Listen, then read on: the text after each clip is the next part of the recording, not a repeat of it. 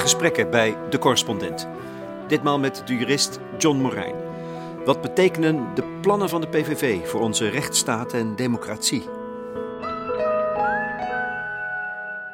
Na de rechters zie je dus dat je als, als bij het uitrollen van populistische, zo'n populistische agenda ook nog allerlei andere opponenten uh, op je weg vindt. mensen zoals ik, wetenschappers.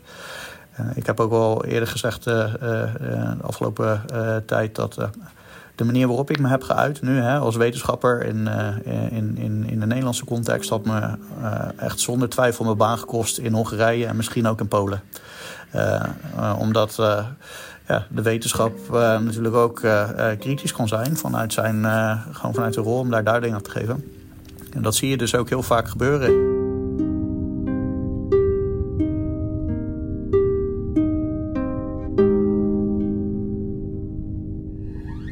Het beleid in Nederland, zowel als in Europa, is decennia lang bepaald geweest door economen. Voorheen was dat anders. Toen waren de juristen veel belangrijker voor de overheid. En binnenkort zou dat wel eens grondig kunnen gaan veranderen. En zullen we opnieuw een dringend beroep moeten doen op de rechtsgeleerden? Willen we onze rechtsstaat en democratie behouden? John Morijn is er zo een. Hij is bijzonder hoogleraar recht en politiek in internationale betrekkingen in Groningen en heeft zich intensief bezig gehouden met de ontwikkelingen van Polen en Hongarije. In dat laatste land is de facto al geen sprake meer van democratie. In Polen is het onlangs op het nippertje nog goed gegaan, vooralsnog. Maar wat betekent de overwinning van de PVV in dit licht? Gaan we dezelfde kant op als in het oosten van Europa? Staan onze democratie en vrijheid nu echt op het spel? Morijn liet na de verkiezingen een zeer dringende waarschuwing horen. Hij is op het ogenblik in Princeton, VS. Een jaar lang is hij als fellow verbonden aan het roemruchte instituut van die stad. Toch even vragen. We spreken elkaar via internet. Aan zijn kant is het acht uur in de ochtend. Uh, John, hoe is het daar nu? Het is regenachtig en uh, ja, moeder, moeder natuur is een beetje in de war, kan je zien. Het is soms heel koud, soms heel warm. Maar uh, als het hier regent vanwege al het beton, dan uh, staat ook de hele straat in één keer blank. Dus het, het is een beetje een wonderlijke, wonderlijke seizoen. ja. ja, maar het is hier over het algemeen wel een stuk kouder in de winter dan wat we in Nederland hebben. Ik verwacht dat het in januari en februari wel een dik pak sneeuw zal zijn en er stevig onder, onder nul. En hoe bevalt het je aan Princeton? Het bevalt uh, echt uh, ongelooflijk goed. Het is echt heel bijzonder om hier een tijdje te zijn. Het is een beetje een out-of-body experience, moet ik nog steeds zeggen. Het is heel bijzonder om daarvoor te worden geselecteerd. Ik ben op dit moment de enige niet-Amerikaanse fellow hier bij, bij rechten. En waar ik me mee bezig hou is met name de, de, de, bescherming van democratie en de rechtsstaat in Europa, maar wel in vergelijkend perspectief. Dus uh, ik heb bijvoorbeeld uh, recentelijk meegedaan aan allerlei conferenties over uh, wat je kan leren van de val van democratie naar autocratie in allerlei verschillende landen ter wereld. Maar ook, en dat is de mooie nieuwe uitdaging, hoe je daarna weer teruggaat naar een democratie vanuit een autocratie. En dat zijn geen lineaire bewegingen geeft weer hele nieuwe uitdagingen. En uh, ja, dus daar ook mee bezig. Is het niet gek dat je juist nu in de, de Verenigde Staten zit? Er is van alles aan de hand in, in Europa. Nou, in eh, Amerika is er ook wel het een en ander aan de hand natuurlijk. Dus wat dat betreft is het een vrij... Uh, nou, ik, uh, het is natuurlijk. Uh, kijk, hier in Princeton zijn er heel veel mensen die fantastische experts zijn op allerlei gebieden. Maar een van de redenen waarom ik het heel bijzonder vond om juist hier te, te werken, is dat twee van de, de experts die ik eigenlijk het meest bewonder, een juridische expert, Kim Lane Chappelle. zij is een Amerikaanse professor die, maar, die echt heel veel weet van ja, met name hoe de Europese Unie de rechtsstaat en democratie kan uh, verdedigen. Maar ook uh, Jan Werner Muller heeft een heel mooi boek geschreven, Wat is populisme? Uh, die is hier ook meer een politieke theorist of een politicoloog. Ik, ik weet niet precies hoe je dat noemt in, in het Nederlands.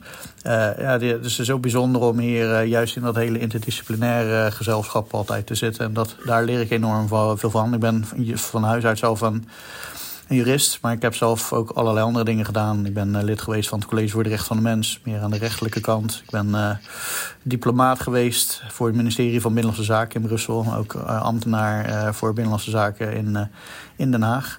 Dus het is, ik heb altijd al mijn plaats geweten als jurist, om het zo maar te zeggen. Dat is maar één perspectief. Ik vind het heel bijzonder om hier weer ja, meer die verbreding te kunnen opzoeken. Over de afgelopen decennia kun je constateren dat het de economen zijn die um, dominant zijn geworden bij overheden, nationaal en internationaal. Zou je kunnen zeggen dat het de juristen zijn die weer meer macht en invloed naar zich toe moeten trekken? De beste juristen zijn uh, geen uh, mensen die alleen maar zeggen dat het niet kan. die geven aan hoe het wel kan. Dus ik ben het met je eens dat met name in het Europese het economisch altijd zeer dominant is geweest. Het is ook geen verrassing dat juist de enige manier om echt de rechtsstaat goed te verdedigen over de afgelopen twee jaar via het koppelen van de rechtsstaat aan aan het budget van de Europese Unie eigenlijk een economische tool is en geen, geen rechtsstatelijke tool. Maar het is gewoon als jurist heel erg belangrijk dat je, dat je wel goed kan uitleggen, ook in niet-juridische taal, waar de grenzen liggen. En ja, ik, ik heb me dat de afgelopen paar jaar, waarin ik me al echt heel lang bezig houd met, met de rechtsstaat, zowel in Hongarije als Polen, heel goed gerealiseerd dat je dat, je dat gewoon goed uh, aan verschillende publieken moet kunnen uitleggen. Dus ik uh, hou een heel ander verhaal aan richting andere juristen dan ik hou aan generalisten of aan captains of industry of aan studenten. dat is, dat is, je moet je verhaal daarop aanpassen. Want als, je, als je dat niet kan, dan begrijp je eigenlijk je eigen verhaal eigenlijk niet goed genoeg, denk ik. Daags na de verkiezingen in Nederland zat John Morijn vast in een lift. Hij dacht. Ik ga mijn tijd nuttig besteden. En omdat hij bestookt wordt met vragen van bezorgde burgers, mensen die bang zijn dat we in Nederland dezelfde kant op gaan als in Polen en Hongarije, of Amerika en noem nog maar een paar landen, besloot hij een Twitter-draadje te schrijven. Een juridische vergelijking tussen de ontwikkelingen in die twee landen, Polen en Hongarije, en de plannen van de PVV. Is die vergelijking gerechtvaardigd? Absoluut, ja. Uh, Kijk, eh, zoals ik al eerder aangaf, uh, ik bestudeer democratie en, en rechtsstaat door heel Europa. Ehm, maar ook overal ter wereld. En alles. Je ziet vaak dat de, de, de manier waarop je democratie onder druk kan komen staan altijd via hetzelfde draaiboek gaat. En ik denk dat het enige verschil met Nederland is. Voor Nederland is dat we op een ander moment, godzijdank, in dat draaiboek staan. maar de hele manier waarop het onder druk kan komen te staan. Als je uh, zeg maar een partij met een ondemocratische en onrechtsstatelijke agenda aan het roer zet, uh, zal heel vergelijkbaar zijn. Omdat autocraten eigenlijk veel beter van elkaar leren dan democraten. en daar, dat was eigenlijk de reden waarom ik zeg maar, die waarschuwing hier vandaan uit een lift inderdaad wilde, de wereld in wilde brengen. En een van de redenen waarom dat me belangrijk leek, is dat er wel allerlei verschillende signalen ook in Nederland zijn. Eh, bedreiging van journalisten, veel moeilijker maken voor met name vrouwelijke wetenschappers om zich vrijelijk te uiten in, in het wetenschappelijke debat. Dat soort tekenen, soms kritiek op, op de rechter als D66-rechters. Dat zijn tekenen die je misschien los van elkaar eigenlijk als niet meer duidt dan dat het een probleem van polarisering is. Maar zodra je daar werkelijk ook politieke krachten mee aan de macht brengt, dan zie je dus dat die losse tekenen eigenlijk telkens in hetzelfde draaiboek op dezelfde plek, op dezelfde moment problemen gaan veroorzaken. Dus daar wilde ik voor waarschuwen. En een van de redenen was ook ik was eigenlijk helemaal niet van plan om te twitteren. Ik dacht van precies vanwege de reden van dat zes uur tijdsverschil. Ik zit natuurlijk een beetje ver weg van, van, van het Nederlandse. Maar een van de redenen die me heeft overtuigd... was eigenlijk dat ik allerlei appjes kreeg van allerlei contacten uit Polen en Hongarije. en ik dacht, uh, van mensen die ik al heel lang ken, met wie ik daar heb gewerkt, om daar de democratie en de rechtsstaat te, te verdedigen. En ik dacht, ja, misschien zien zij toch iets dat wij zelf niet zien. En als zij mij dat signaal geven dat zij iets zien wat bij hun is fout gegaan, dan lijkt het me belangrijk dat we zeggen een beetje hun buikpop te zijn. maar Polen en Hongarije zijn twee verschillende landen. Die zitten allebei in een ander traject. Eh, dus die kun je toch ook niet over één kam scheren? Nou, het zijn inderdaad twee verschillende landen. Uh, Hongarije is, ik zal het gewoon onverneden zeggen, eigenlijk gewoon een, een maffiastaat. Die, waar een heel groot deel van, van, van het geld, met name uit de Europese Unie, aan de strijkstok blijft hangen. als je kijkt naar officiële statistieken van het antifraudebureau van de Europese Unie Dan zie je dat ongeveer 3% uh, van al het EU-geld dat daarheen gaat op een bepaalde manier achterover wordt gedrukt. Dus dat is ongeveer tien keer zoveel als het, tweede land op dat lijstje. Dus dat, is, dat is, geeft je een beetje een beeld van hoe, hoe, groot het probleem is. En, daar zie je dus dat de, manier waarop dat vorm wordt gegeven is om ervoor te zorgen dat alle kritiekasters eigenlijk uit de, uit de markt worden gedrukt. maar dat gaat wel telkens via hetzelfde draaiboek als ook in Polen. Dus ik zal, als, als het nuttig is, kan ik wel even dat, dat draaiboek een beetje toelichten. Want dan zie je dus ook dat Hongarije en Polen wel van elkaar hebben geleerd. Dat met name Polen eigenlijk hetzelfde draaiboek is gaan volgen dan, dan Hongarije. Ja, hoe, hoe werkt het? John? Ja, kijk, je begint altijd met een, uh, een, een, politieke agenda uh, waar je met een, een zondebok te maken hebt. Die zondebok die, uh, kan erg verschillen. En bijvoorbeeld in, Oor, in Orbans geval is die ook telkens erg verschillend. Je hebt natuurlijk uh, vaak uh, antisemitische retoriek, waarin hij alles de schuld geeft aan, aan George Soros. Ik ben zelf ook al herhaaldelijk van beticht dat ik vanwege mijn kritiek waarschijnlijk wel door George Soros zal zijn betaald. Ik, ik, kan, je, ik kan je hierbij met de hand op mijn hart zeggen dat ik nog nooit een rode rotcent heb gekregen van, van Soros. Maar dus dat kan antisemitisch zijn, het kan heel erg xenofoob zijn, uh, alles aan uh, migranten wijten. Dat, dat zie je ook sterk in, in Hongarije. Recentelijk is het uh, ook heel erg uh, tegen eh, LGBTI. Uh, wat het een beetje mondeling is. Want er wordt dus heel erg gezegd van we zijn een heel katholiek land. Maar een van de belangrijkste adviseurs van Orbán al heel lang was een man die met zijn broek naar beneden van een regenpijp in, in Brussel werd gesnapt. Toen hij tijdens COVID naar een van gay party ging. Dat is natuurlijk zo goed recht is. Maar het enige probleem was dat tijdens COVID was. Dus dat je geen contacten mocht hebben. Dus het is helemaal niet zo dat dat, dat diep ideologisch is. En dat is wel echt verschil met, met Polen. In Hongarije uh, wordt er gewoon uh, wij, zij wordt gepolitiseerd. Maar het tweede element van dat politiseren is dan dat je uh, wetgeving gaat, gaat aannemen, waarmee je dus ook een, een deel van belangen van een deel van de bevolking gewoon helemaal buiten de haakjes plaatst. Dus, wacht even, John, want via die wij-zij-polarisatie en anti-EU-retoriek komt zo'n partij als grootste in het parlement. En vanaf dat moment, dat is de volgende stap, uh, volgt er specifieke wetgeving. Ja, dat klopt. En, uh, en in, in, Hongarije hebben ze zelfs een tweederde meerderheid, uh, zodat ze ook zonder oppositie zelfs de grondwet kunnen aanpassen. Dat hebben ze ook heel vaak gedaan. En in Hongarije is daarnaast specifiek ook nog dat er sinds 2015 ook permanent een noodtoestand is. Dus dat betekent dus dat je nog veel meer macht hebt uh, als uh, uitvoerende macht, als regering, zodat je nog minder vaak überhaupt het parlement nodig hebt. En de, de noodtoestand die was achtereenvolgens vanwege de migratiecrisis. Ehm, daarna was het COVID en ondertussen is het het probleem dat in Oekraïne is ontstaan. Maar dat, dat wordt elke zes maanden wordt dat eigenlijk ver, uh, verlengd. Uh, dus dat geeft dus een beetje aan uh, hoe Orbán opereert. Maar het belangrijkste is dat ligt dus op een gegeven moment ligt dat in wetgeving vast, waarmee. waarmee de, de belangen van de minderheid, en die dus ook nog heel, heel sterk kan variëren, afhankelijk van de zondebok die je hebt gekozen, buiten haakjes wordt geplaatst. En dan zie je dus dat normaal gesproken vind je dan een rechter op je weg. Hè? Want je moet, de rol van een rechter is juist om toetsen of uh, er met iedereen rekening is gehouden. En uh, niet alleen met uh, de, de, meerderheid plus één. Dus dat is precies de reden dat Orbán al in, heel, heel vroeg, nadat hij voor de tweede keer aan de macht kwam, in 2011, 12, juist rechters ging vervangen door politieke vriendjes. En hij deed dat in eerste instantie op een, een vrij een neutraal ogende manier. Orbán is, en dat, dat is ook wel een belangrijk verschil tussen uh, Hongarije en, en, Polen. Orbán is echt slim. Uh, het is echt een hele een man die enorm goede. Het is zelf een jurist. Hij wordt ge, geadviseerd door uh, heel, heel goede juristen.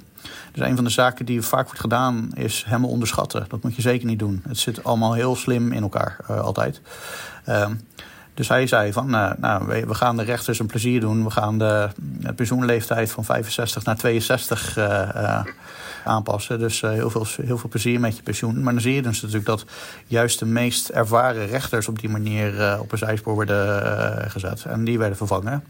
En de Europese Commissie, de uitvoerende macht van de EU, die had het eigenlijk haarfijn door en die heeft daar een, een zaak over aangespannen. Maar over de een beetje kunstmatige band van leeftijdsdiscriminatie.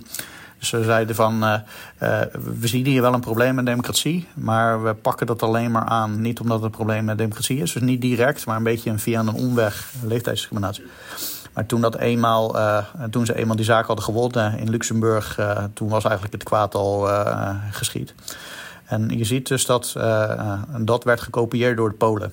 Uh, dus eigenlijk is de logica, omdat je dan zeg maar degene de instantie die eigenlijk wordt ingehuurd in, in de, de trias politica om wetgeving op recht, uh, rechtmatigheid te toetsen op je pad komt. En die moet je dan als zodanig overnemen. Um, dus dat is al heel lang aan de hand in, in, in Hongarije. En dat is ook de een van de redenen waarom op, dat moment, op dit moment over die band geld aan, wordt stilgelegd aan, aan Hongarije naast corruptie. En dat is ook in Polen gebeurd, maar daar ging het allemaal. In, in Polen is het wel een verschil. Daar zitten ze echt nog veel meer ideologisch in, in, in de wedstrijd. Dus dat wij, zij denken uh, van PIS zit, uh, zit wel echt meer uh, geworteld in het ja, patriarchale, ultra-katholieke denken. maar daar waren ze ook veel minder subtiel. Daar hebben ze gewoon hele kamers van de hoge rechters, hoogste rechtbanken erbij ge, geplaatst. mensen die al in de pijplijn zaten om te worden genomineerd voor, voor laten we zeggen, de equivalent van de Hoge Raad.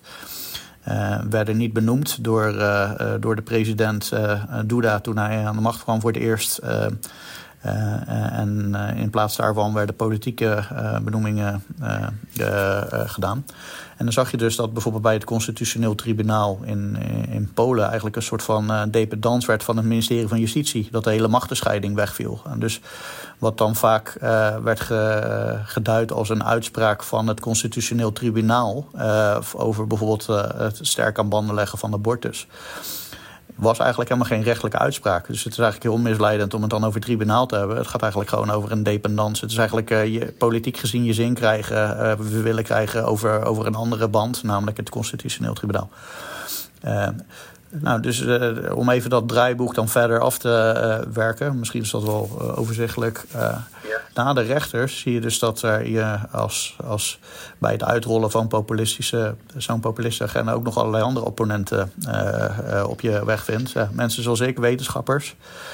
ik heb ook al eerder gezegd de afgelopen tijd dat de manier waarop ik me heb geuit nu hè, als wetenschapper in, uh, in, in, in de Nederlandse context had me uh, echt zonder twijfel mijn baan gekost in Hongarije en misschien ook in Polen.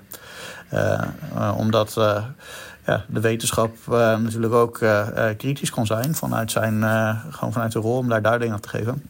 En dat zie je dus ook heel vaak gebeuren. Ik ken verschillende wetenschappers uit Polen en, en Hongarije die sterk in de problemen zijn gekomen door. Maar die macht hebben ze dus dan inmiddels al. Ik denk dat dat in Nederland nog niet zou kunnen. Rechtstreeks bijvoorbeeld uh, wetenschappers ontslaan. Dat kan hier toch nog niet? Nee, gelukkig niet. Uh, maar in Hongarije gebeurt het aan de lopende band. Pas geleden. Uh, en, en dat, ik, ik ken verschillende Hongaarse wetenschappers die niet meer in Hongarije kunnen of willen werken. Omdat, omdat ze gewoon aan dezelfde thematiek werken als ik. Maar gewoon twee, drie weken geleden werd er nog iemand ontslagen op een universiteit die uh, een vriendje van, uh, van de Oorbank-kliek geen herexamen wilde geven. Terwijl hij gewoon puur de richtlijnen van de universiteit volgde. Dus dat is echt geen theoretisch verhaal. En datzelfde geldt in, in Polen, werd ook heel lastig gemaakt. Met name als je op bepaalde manieren je uitte. En dat, dat uitzicht met name door een specifiek soort van rechtszaken, rechtszaken tegen aanspannen om te zeggen dat je uh, over de band van uh, smaad. Dus het beledigen bijvoorbeeld van, van de Poolse NOS of de regeringspartij. Maar die zaken die werden geduid in het jargon als SLAP-zaken. S-L-A. Double P, Strategic Litigation Against Public Participation. Dus het betekent eigenlijk gewoon, je, je, jij zit op veel meer veel meer middelen dan je opponent. Uh, en je gaat uh, zo iemand uh, voor, voor de rechter brengen om hem gewoon op kosten te jagen. Ook al weet je 100% zeker dat je die zaak niet gaat winnen. Puur als intimidatie en om ook en als voorbeeld te stellen. ik ben zelf, dat, dat gebeurt zowel met media als met wetenschappers. Dat gebeurde. als het goed is gaat, as we speak, Tusk aan de macht komen in Polen. Maar dat betekent dus dat je veel meer op je woorden gaat letten als, als wetenschapper. Maar ik ken ook verschillende onafhankelijke kranten in Polen waar uh, ja, gewoon 10% van het hele budget, moet je je voorstellen bij de correspondent, dat je 10% van je hele budget moet reserveren voor mogelijke kosten die je gaat maken. Omdat jouw eigen staat, waar je gewoon functioneert, wel eens een zaak tegen jou kan aanspannen vanwege je journalistieke activiteiten. Zo absurd is dat dus. Dus dat, je hebt dus journalisten die hiermee te maken krijgen, wetenschappers, maar ook ja, maatschappelijke organisaties, met name in Hongarije. Er zijn verschillende uitspraken gedaan door het Hof van Justitie die allerlei maatregelen uh, om, om de maatschappelijke organisatie in Hongarije het leven zo moeilijk mogelijk te maken aanvochten. En, en daar heeft de Europese Commissie ook mee gewonnen in, in, in, Luxemburg. En daar zag je dus telkens, en dat, dat, dat is een van mijn grootste frustraties geweest de afgelopen paar jaar. Dat er een glasheldere uitspraak komt van, van Luxemburg, het Hof van Justitie, maar dat er dan vrij weinig mee werd gedaan door de Europese Commissie, die bijvoorbeeld gelijk terug kan gaan naar naar Luxemburg als een uitspraak niet goed wordt uh, uh, uitgevoerd. Maar het patroon is dus telkens wel hetzelfde: dat je na de rechters ook allerlei andere actoren aan band willen. Dus dat is het draaiboek. En je, je ziet dus dat er Hongarije en Polen dat draaiboek op, op hetzelfde manier is gaan draaien. En waar ik me dus over uitsprak, is dat dat, dat, dat ook op andere plekken kan, kan gebeuren.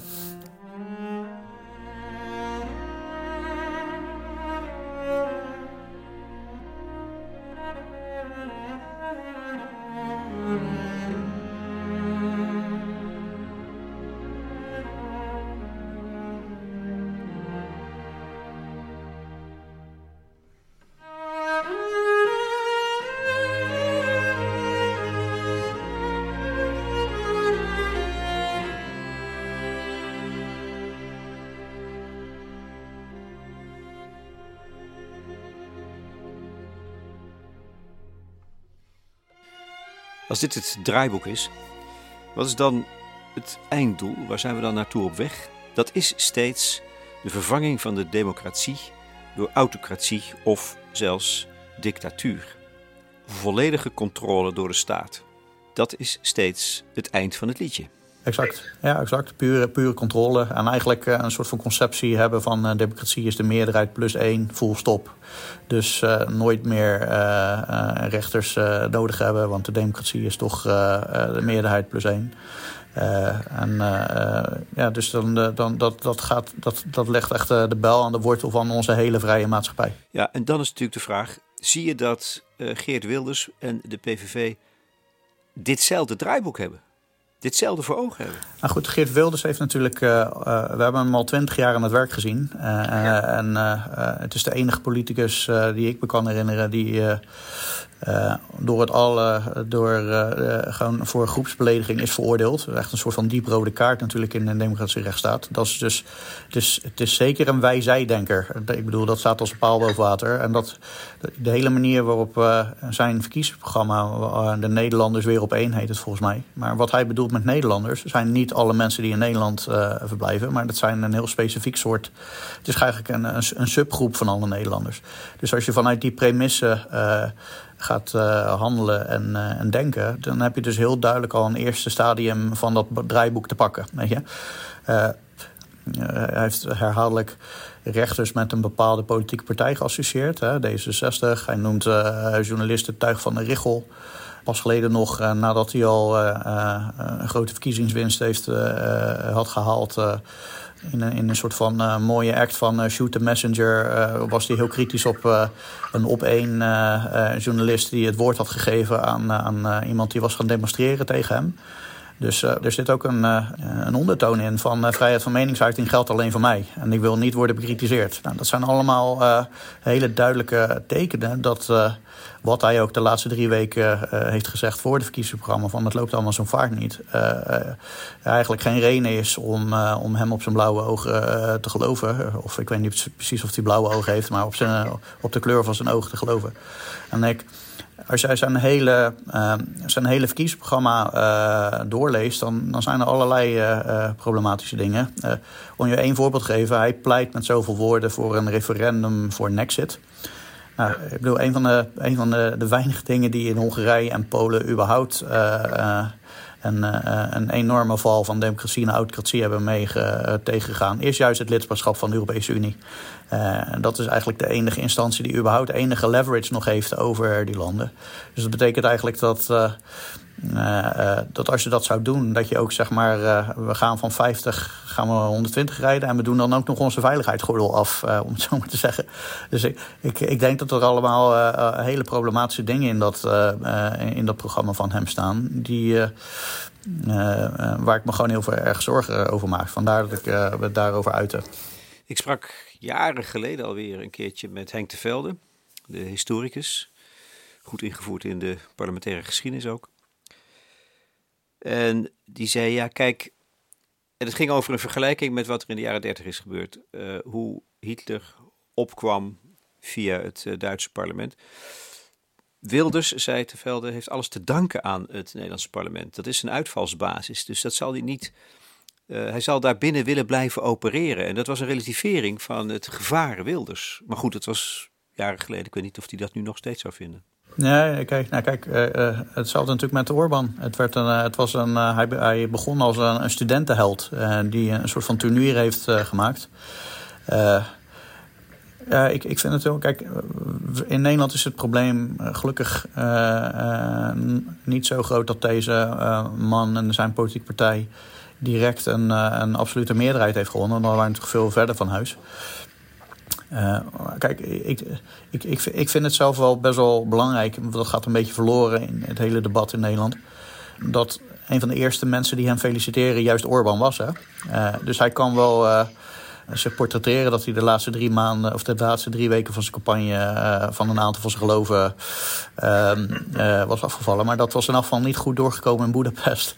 En er waren ook allerlei andere politici, zoals de mensen van Lega in Italië, ook niet echt frisse figuren als het gaat over rechtsstatelijkheid, die hem erg aanmoedigden. Dus ik denk dat dat gewoon heel belangrijk is om, om dat niet te onderschatten. En ik merk dat in Nederland ik in het gevoel heb dat we in Nederland uh, vaak denken dat het hier uh, in Nederland allemaal niet zo vaart zal lopen. En dat wij toch uh, wel wat gewend zijn dat we. Onze democratie is robuust, zeggen we dan. Ja, precies. Nou goed, ik kan je vertellen. dat Twitter-draadje dat heeft niet alleen tot heel veel dingen voor de schermen geleid. Ik heb heel veel media gedaan.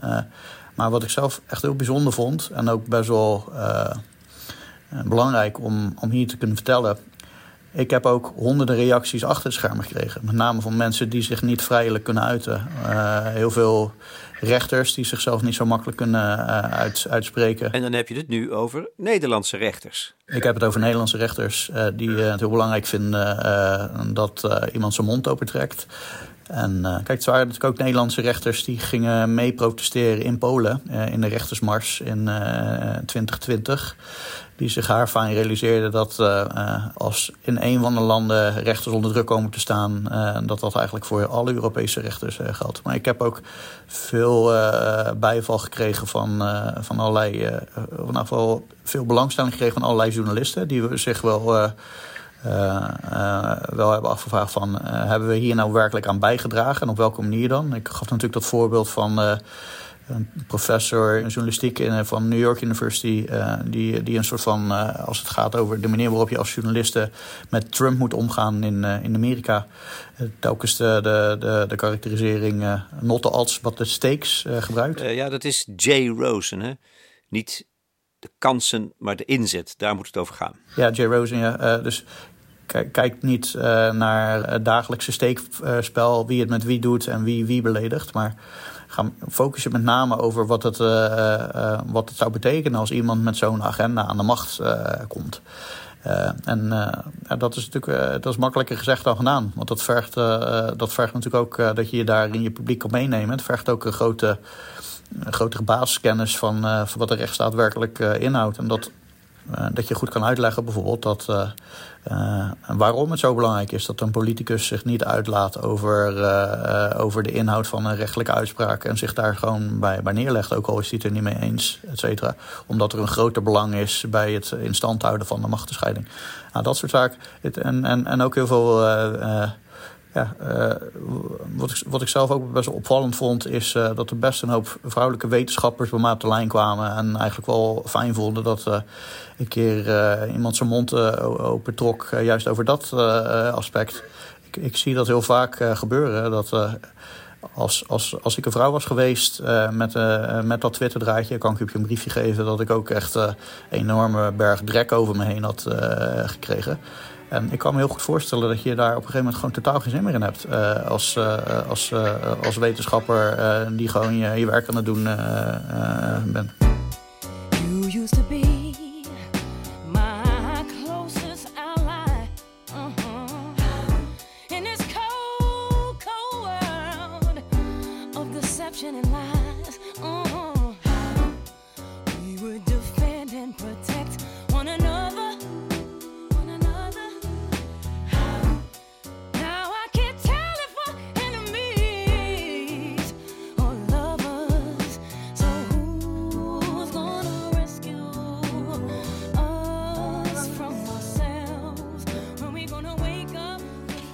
De tweede helft. Je hebt eh, John Morijn je inaugurele reden in Groningen getiteld The Law and Politics of Protecting Liberal Democracy. Zullen we het nu hebben over wat we kunnen doen om onze vrijheid en democratie en rechtsstaat te verdedigen? En de boodschap is, we kunnen veel meer doen. Nou ja, sterker nog, we zullen ook echt nu heel veel meer moeten gaan doen. Waar verwacht je nou meer van? Van de Nederlandse overheid? Of van wat er in Nederland gebeurt? Of van de EU? Nou, in eerste instantie uh, denk ik dat we überhaupt een stap terug moeten doen. En niet alleen maar naar anderen kijken, naar de politiek, maar eerst eens beginnen bij jezelf. Uh, een, een, van de dingen die ik uh, zo wonderlijk vond aan, en wat juist zo mooi is geweest aan Polen en alle organisaties die ik daar in actie heb gezien, is dat heel veel burgers gewoon zelf het heft in handen namen. En bijvoorbeeld dachten: ik word gewoon wel lid van een politieke partij. Ik ga wel gewoon betalen voor mijn nieuws. Ehm, ik ga wel uh, die tweede of die derde maatschappelijke organisatie uh, financieel steunen. En dat vind ik wel echt iets typisch Nederlands. Dat het altijd alleen maar aan andere en, uh, en externe factoren ligt en nooit aan jezelf.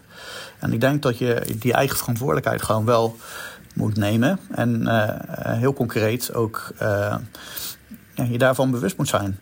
Dat als je geschrokken bent, doe, de, doe die schrik even in een potje en ruik er af en toe eens aan. de afgelopen twee, drie weken want het, app natuurlijk een beetje weg. Iedereen gaat weer over op, eh, op de orde uh, van, uh, van de dag. Maar het is echt extreem belangrijk dat je met dit soort kleine dingen al een heel groot verschil kan maken. Want ik kan me best wel voorstellen dat je zelf niet de tijd hebt om een rechtszaak aan te spannen. als er wetgeving komt die tegen jouw idealen indruist. Maar als jij een maatschappelijke organisatie steunt die dat namens jou doet, wat je ook belangrijk vindt en eh, dan uh, kan je dat op deze manier bewerkstelligen. Dus ik, voordat je überhaupt naar de politiek gaat, begin eens eens even bij jezelf. En nog een heel uh, concreet advies, afgezien van wat je nu zegt. Lees de goede boeken. Ja. Zoals Terug naar Reims van de Franse schrijver Didier Eribon. En er zijn er nog meer.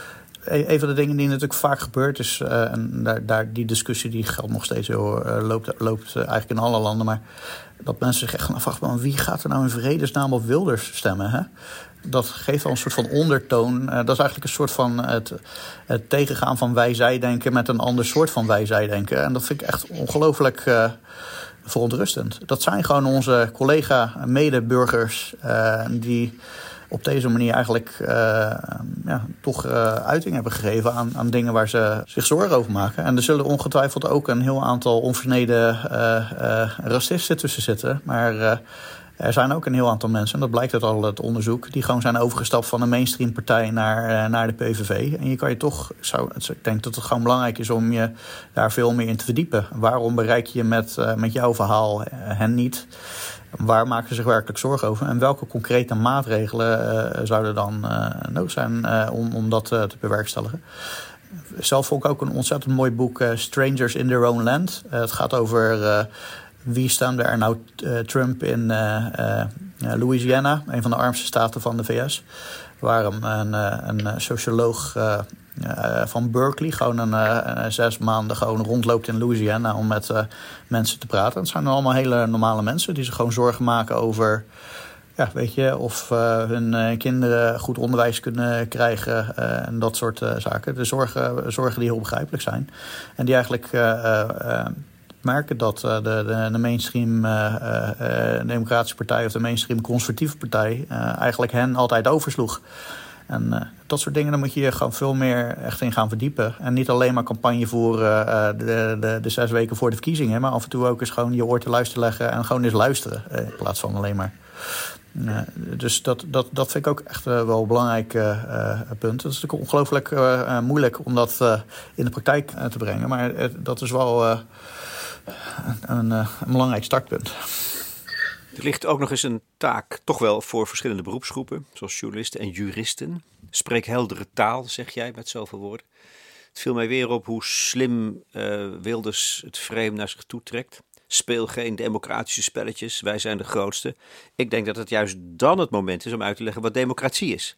dat je wel regeert met een meerderheid, maar dat dat beperkt wordt door de rechten van minderheden. Um, en je moet er volgens mij op blijven hameren dat een kwart van de bevolking op Wilders heeft gestemd. 75% heeft niet op Wilders gestemd. Dat kun je er toch ook in blijven hameren?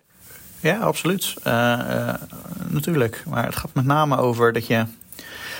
Uh, als je eenmaal mede aan het roer staat, of in je eentje aan het roer staat, dat je altijd dat op zo'n manier moet doen dat je niet überhaupt het nest vervuilt van hetgeen wat je zelf aan de macht heeft gebracht. Uh, uh, en, en de instelling als zodanig gerespecteerd. En, en een van de dingen die ik dit weekend tweette is.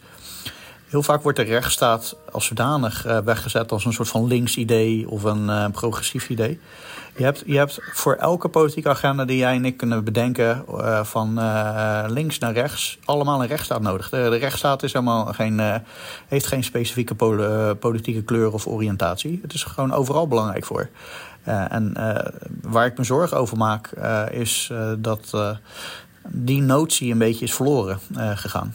en dat, dat, dat het beschermen van de rechtsstaat als zodanig een, een, andere manier van politiek bedrijven is geworden. En dat, dat is gewoon echt niet aan de orde. Maar dat betekent dus wel dat als die indruk is ontstaan, dat je die indruk moet wegnemen. Dat kost gewoon heel veel werk en tijd.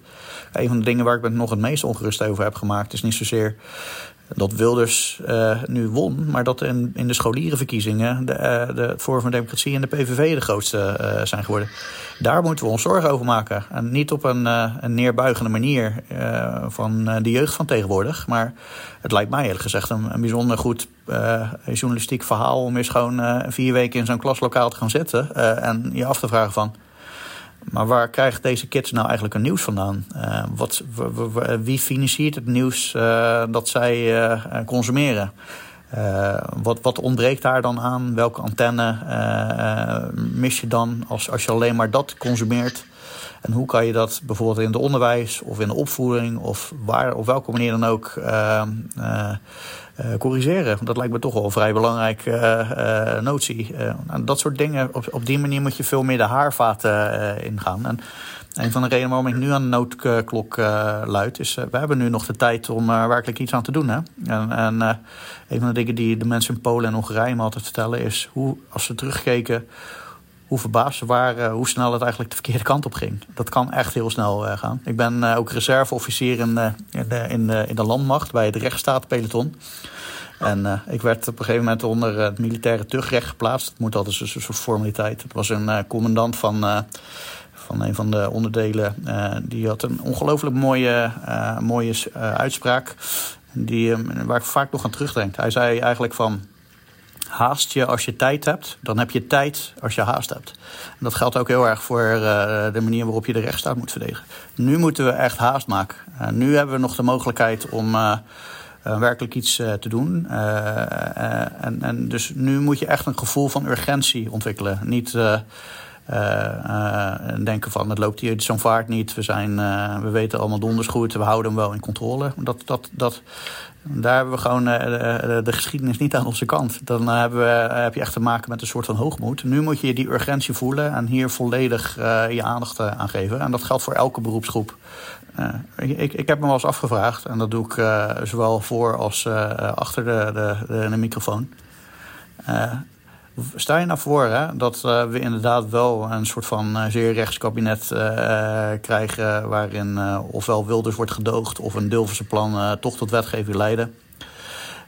nou, dan komt er een uitspraak van een rechter waar, waar jij en ik al van weten wat die is. Omdat het gewoon vrij duidelijk is dat dat niet aan allerlei juridische standaarden voldoet. En daarna komt er kritiek op de rechter. Weet je, vriendjes van D66. Wat gaat de rechterlijke macht dan op dat moment doen? Hebben ze, hebben ze daarover nagedacht? Welke strategie ga je dan uh, kiezen? Uh, op, naar wie ga je communiceren? Op welke manier? Dat zijn dingen waar je niet over op je handen moet gaan zitten. Want als, als het, uh, dat, daar moet je nu al over nadenken over hoe je dat gaat, gaat aanpakken. En hetzelfde geldt voor journalisten, denk ik. Daar ligt ook een grote verantwoordelijkheid. De NPO voelt zich nu bedreigd. Maar je kunt je natuurlijk afvragen of de journalistiek in, in brede zin, in algemene zin, niet bijgedragen heeft aan de ontwikkelingen die wij nu waarnemen en die ons zo verontrusten. Hoe zie jij dat? Nou, het is moeilijk in, om in, uh, in algemeenheden te praten. Kijk, uh, het hangt heel erg af van het soort van medium. Je hebt natuurlijk media zoals de correspondent... die juist heel zich specifiek plaatsen als meer de diepgang zoeken. Maar ik denk wel dat als je bijvoorbeeld kijkt naar de media met het grootste bereik... zeg maar primetime televisie dat in Nederland er echt een, een soort van uh, cultuur is ontstaan om er meer een soort van infotainment van te maken. Dus uh, Weet je, uh, het gaat vanavond over Polen en Hongarije, maar we hebben ook Jantje Smit uh, die een, liedje komt zingen. Dus Jantje Smit die, uh, die zingt zijn liedje, schuift daarna bij professor Morijn aan. professor Morijn geeft een analyse en Jantje Smit die geeft daar dan ook zijn mening over. Het is allemaal heel gezellig, maar uiteindelijk schiet de Nederlandse bevolking niet zoveel mee op dat ik ga zingen of dat Jantje Smit iets gaat vinden over Hongarije en Polen. Dus die manier zijn de, is de hele manier waarop het is opgezet uh, een beetje problematisch. Ik denk dat, dat je wel uh, daar uh, over na moet denken of dat gewoon echt altijd het, het ideale format is. Daar, nou, ik gaf er eerder al het voorbeeld over wat voor soort van verhalen zou je nou eens kunnen gaan bekijken als journalisten. Zijn er bijvoorbeeld voorbeelden, als je bijvoorbeeld kijkt naar landen waar ze ook te maken hebben met een fluctuatie tussen democratie en autocratie wat heeft bijvoorbeeld in Brazilië gewerkt met het weer uh, verkiezen van, uh, van Lula? wat, wat heeft nou in Polen de doorslag gegeven als het gaat over het anders gaan rapporteren hierover, dit soort zaken? Ik denk dat je daar als journalist gewoon ook puur vanuit je, je, je, beroepsethiek en je, je beroeps. gewoon hoe je dingen aanpakt, uh, best dan ook van kan gaan leren. Maar dan moet je dus wel ten eerste het belang ervan zien uh, dat het ook in Nederland kan gebeuren. En dat echt tot je laten doordringen. En ook je realiseren welke rol je daar zelf in hebt. Ja, wat mij is opgevallen bij de aanloop naar de verkiezingen. Uh, belangrijk thema, misschien zelfs wel doorslaggevend, is het onderwerp migratie. Want je kunt het amper een debat noemen. Hein de Haas, socioloog, die ik eerder heb gesproken in deze serie, heeft er keer op keer op gewezen dat er gelogen wordt. Keihard gelogen wordt door politici, van alle kanten trouwens. Um, daar zijn cijfers over, is heel simpel. Dus dat is toch een taak voor de journalistiek om dat op te pakken en de politici die zij aan tafel hebben om dat onder de neus te wrijven. En het past allemaal in die eerste fase van wij-zij denken. Nou, ik ben het met je eens. Ja, maar dat kan je natuurlijk ook visueel maken, Lex. Kijk, eh, als je, als je in plaats van een debat uh, alleen ook een soort van uh, visual maakt van... Weet je, er komen honderdduizend mensen per jaar naar Nederland... waarvan er 15.000 asielzoekers zijn, ik zeg maar wat. en, en alle anderen zijn gewoon reguliere arbeidsmigranten. Als, dat, als je dat visueel maakt en, dat, en die visual gewoon telkens onderdeel laat zijn van het debat... dan, dan maak je het al veel moeilijker om dat soort feiten... Dus het heeft ook te maken met de manier waarop je gewoon uh, de hele, de hele uh, zaak inkleedt. Uh, en, maar ik ben het ook met je eens dat daar een rol is. Het is maar dat, dat, dat wordt natuurlijk niet comfortabel. maar dat hoeft ook niet comfortabel te zijn als het over hele grote belangen gaat. Hè?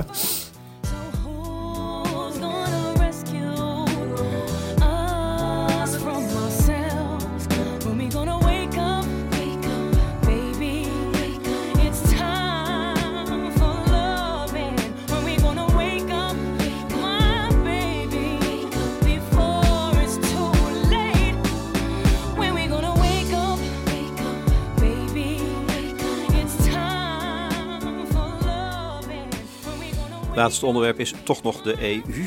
Want je zegt in je inaugurele reden uh, dat de EU wel degelijk over de middelen beschikt om de afkalving van de democratie en de rechtsstaat tegen te gaan. En sterker nog, we moeten die gaan gebruiken. En daarbij is haast geboden, want als één of meer lidstaten illiberaal zijn, kunnen ze precies dat tegenhouden. Ja, dat gebeurt voor een deel nu al, uh, uh, dat laatste. Het, is veel moeilijker geworden uh, dat, omdat de Europese Unie eigenlijk te laat heeft gehandeld. En bizar genoeg, en paradoxaal genoeg eigenlijk voor een groot deel uh, uh, de autocratisering in Hongarije heeft gefinancierd. Door veel te laat in te grijpen op, op die corruptie. Hebben we nu te maken met, met een politicus die elk dossier dat normaal gesproken gewoon met meerderheid kan worden aangenomen. koppelt aan iets waar, waar, waar die een vetorecht heeft. Hè. Dat zie je nu bijvoorbeeld als het gaat over zijn oppositie tegen EU-toetreding van, van Oekraïne. Dat koppelt hij eigenlijk weer aan het weer vrij kunnen geven van, van geld. Aan de andere kant is het wel zo dat ik denk dat de Europese Unie wel veel meer nog kan doen. Maar wel met de voetnoot dat toen ik mijn reden gaf, toen was het allemaal nog uh, niet duidelijk dat er überhaupt de Europese Unie zou gaan handelen op, uh, op de mogelijkheid om geld uh, echt te gaan blokkeren op basis van de rechtsstaat. Dat hebben ze nu wel gedaan. En dat gaat echt over enorme grote bedragen. Richting Polen ligt op dit moment ongeveer 130 miljard vast vanwege rechtsstatelijke problemen. En voor Hongarije gaat het ook over tientallen miljarden. Dus het is wel degelijk, dat ze, wel degelijk zo dat, dat ze zijn gaan handelen. Uh, maar er kan nog veel meer worden gedaan. Het is denk ik heel belangrijk dat uh, ook om uh, de machtenscheiding in de Europese context te, beter te handhaven. Uh, er veel meer, uh, als je een zaak wint als Europese Commissie bij het Hof Justitie en je hebt gewoon aantoonbaar dat zo'n zaak niet goed wordt geïmplementeerd. Ik gaf eerder al vandaag uh, voorbeeld van een, een, uitspraak over de manier waarop maatschappelijke organisaties in Hongarije worden gefinancierd. dat, daar heeft het Hof Justitie gezegd dat dat mag je niet aan banden leggen, maar dat wordt nu alsnog lastig gemaakt dan kan je ook teruggaan naar de rechter. Want een van de redenen, een van de gevolgen als je dat niet doet, is dat je namelijk het gezag van, dat, van de hoogste rechter in Europa eigenlijk ondergraaft. Dan wordt het ook maar een, uh, een mening. Ik denk dat dat eigenlijk automatisch zou uh, moeten zijn. Je spreekt ook over het, het middel om het recht om te stemmen af te nemen. Ja, dat is een paardenmiddel, maar misschien moeten ze daar wel toe overgaan. Nou, een van de, een van de gevolgen van, van de, de winst van de democratische oppositie in Polen uh, is dat er, er, niet langer twee uh, landen tegelijkertijd in die politieke strafprocedure zitten, maar dat Hongarije straks nog de enige zal zijn als Polen gewoon links afslaat in plaats van rechtsaf. En, en dan bedoel ik niet links politiek gezien, maar dat ze zeg maar weer de kant van, uh, van de democratie opgaan. En dat betekent dus dat het wel mogelijk, dat het realistischer wordt, dat, dat Hongarije werkelijk geïsoleerd wordt. En dat kan inderdaad, als het puntje bij het kapaaltje komt, echt op gaan om het intrekken van, van stemrecht. Maar ik denk dat dit, dit middel waar we het nu over hebben eigenlijk meer de dreiging ermee is belangrijk dan uh, de consequentie als zodanig. Omdat je er hiermee gewoon zijn, uh, zijn speelveld verder verkleint. Maar het belangrijkste van het echt aan banden leggen van, van geld is eigenlijk de enige en het eerste in de afgelopen twaalf jaar wat überhaupt de calculus van Orbán heeft veranderd. En je ziet dus dat uh, dat hij wel daar het een en ander nu aan het hervormen is. Maar door de hele manier waarop hij ook de rest van het draaiboek, waar we het eerder over hadden, al heeft geïmplementeerd, zie je bijvoorbeeld straks ontstaan dat er geen eerlijke en vrije verkiezingen zullen zijn, bijvoorbeeld voor het Europees Parlement.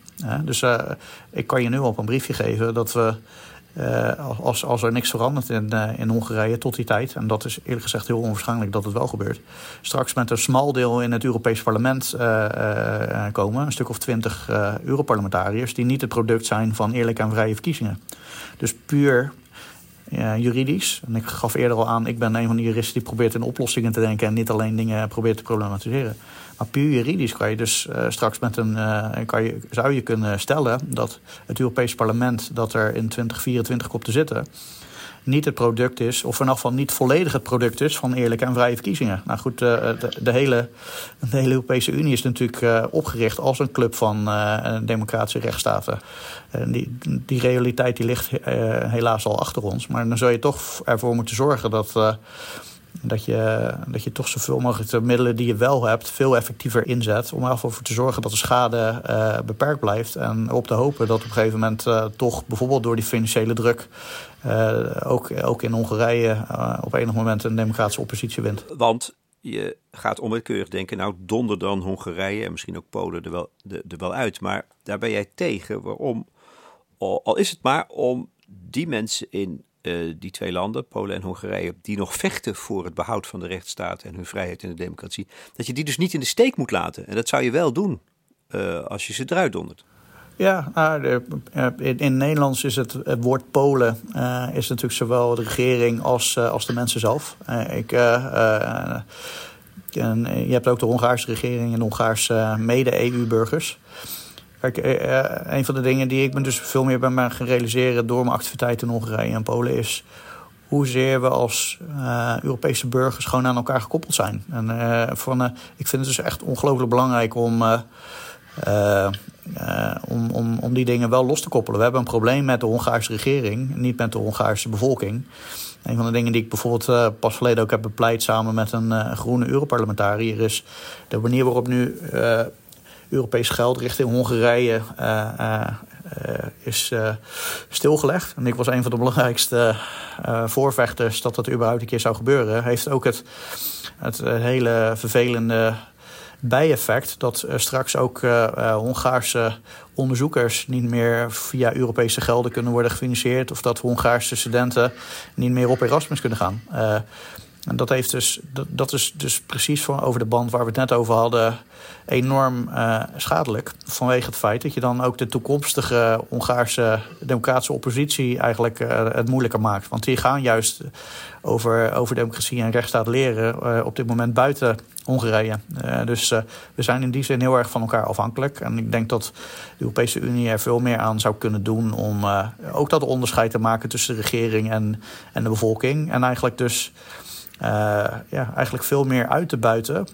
Wat bizar genoeg in zowel Polen als Hongarije uit elke opiniepeiling blijkt. Namelijk dat de Europese Unie ongelooflijk populair is. Terwijl ze door een eigen bevolking of door een eigen regering wordt de Europese Unie thuis altijd zwart gemaakt. de, de ja, dat is natuurlijk een heel paradoxaal iets. Nou, daar, daar, zou je als, denk ik, als Europese Unie... zou je eigenlijk over het hoofd van de Orbán... direct met de Hongaarse bevolking kunnen communiceren. Maar daar heb je dus ook wel politieke moed voor nodig... en, en, en een visie dat de regering wat anders is dan de bevolking.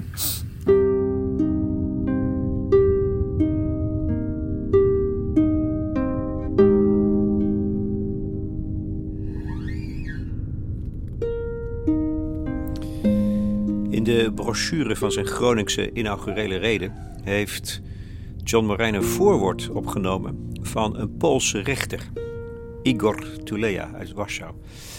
En die schrijft naar aanleiding van een foto. Dat is een foto genomen op 13 juni 1936 in Hamburg. Honderden mensen juichen de tewaterlating van de Horst Wessel toe terwijl ze Sieg Heil schreeuwen en de Hitler goed brengen met gestrekte arm. Honderden mensen meuten en er staat één man tussen die zijn armen over de borst houdt. August Landmesser. Ja, het, was, het, ontstond eigenlijk zo. Ik, uh, uh, het is geschreven door uh, de Poolse rechter Igor Tulea. Dat is eigenlijk de beroemdste Poolse rechter die langere tijd is geschorst op illegale manier. illegaal zowel vanuit het perspectief van de hoogste mensenrechtenrechter in Europa als de hoogste EU-rechter in Europa. En ik, ik had aan hem gevraagd van wat motiveert jou nou om uh, gewoon uh, wel jouw, uh, jouw kompas te volgen? Hè? Jouw, jouw, de, de je hebt afgelegd als rechter. En hij kwam dus zelf met een, die foto die je net noemt als, als inspiratie. Want een van de, een van de redenen waarop ik zelf altijd zo geïnteresseerd ben geweest in Hongarije en, en Polen... En, en de mensen die daar als rechters of als maatschappelijk middenveld of als journalisten werken... is eigenlijk ook heel erg de vraag: wat zou ik nou doen in zo'n situatie? En de vraag is gewoon heel erg. Uh, het antwoord op die vraag is eigenlijk uh, dat je geen enkel idee hebt. Je kan je wel, uh, maar je kan je wel zoveel mogelijk laten informeren door mensen die daarmee te maken hebben. Dus het, rechter Toulea die, die schreef dat toen. En, en het interessante aan hem is, ik ben ondertussen vrij goed bevriend met hem geraakt, nog steeds met hem in contact is dat hij uh, echt nog op de dag van vandaag vond dat hij helemaal niks bijzonders heeft gedaan. Hij zegt van het is gewoon heel logisch, dat dit, dit is gewoon een logisch gevolg van, uh, van de ethiek heb afgelegd. Hij heeft bijvoorbeeld ook best wel moeite mee dat als hij een prijs krijgt als individu, dat hij eigenlijk zegt van het is niet de vergelijking met zeg maar dat de aanvoerder van een voetbalteam zeg maar, de Most Valuable Player Award krijgt. Dan krijg je, dat is ook altijd een beetje, uh, altijd een, beetje een, een ongemakkelijk iets. dan wordt altijd eerst het team bedankt. Hè? Nou, zo zit hij ook een beetje in, in, in de wedstrijd, om het zo te zeggen. Maar ik, ik, begrijp dat op een bepaalde manier wel. Maar anderzijds, ik heb wel eens met hem over straat gelopen in Warschau. Er komen mensen naar hem toe om hem eh, op zijn wang te, uh, te kussen. Maar er zijn ook mensen die, uh, die hem uitschelden. en hij heeft allerlei problemen gehad, ook met bedreiging, zelfs doodsbedreiging.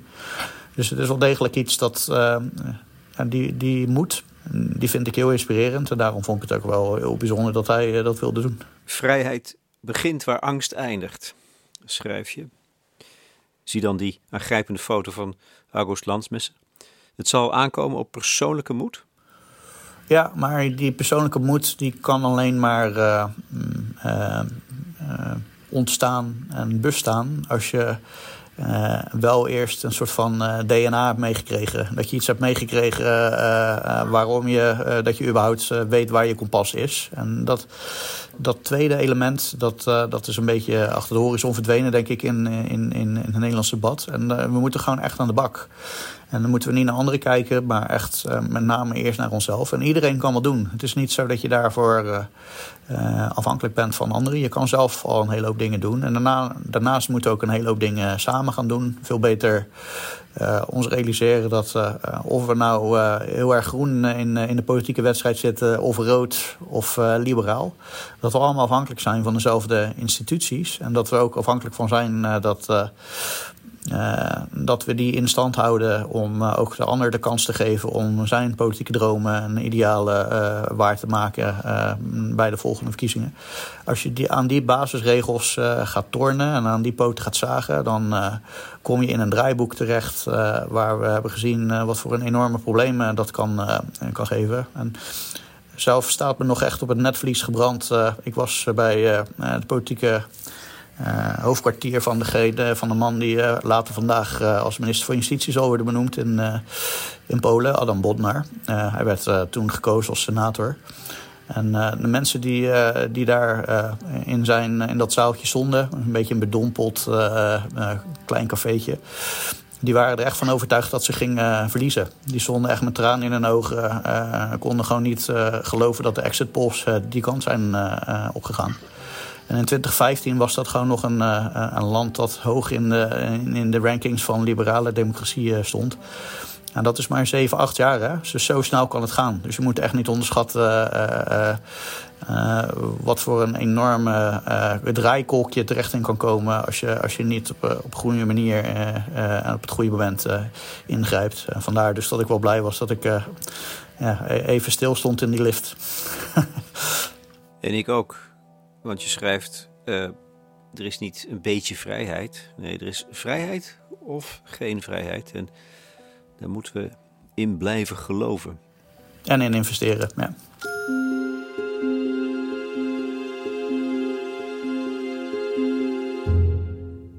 John Morijn, fellow bij Princeton University, in gesprek met Lex Bolmeijer voor de correspondent. Zijn inaugurele reden als bijzonder hoogleraar recht en politiek in internationale betrekkingen is uitgebracht door de Universiteit van Groningen. Wel nu, laten we hierover van gedachten wisselen. Dat kan op onze website. Het platform is toegankelijk voor leden. En je bent al lid voor negentientjes per jaar.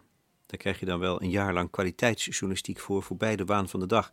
Journalistiek die bovendien onafhankelijk is. Voor de muziek gebruikte ik een prayer van Blog door Harriet Krijg, cello. Nobody Knows This Little Rose van Anne van Schothorst op de harp. En Wake Up van Alicia Keys. Onlangs was Morijn bij een live concert van haar en dat was fantastisch.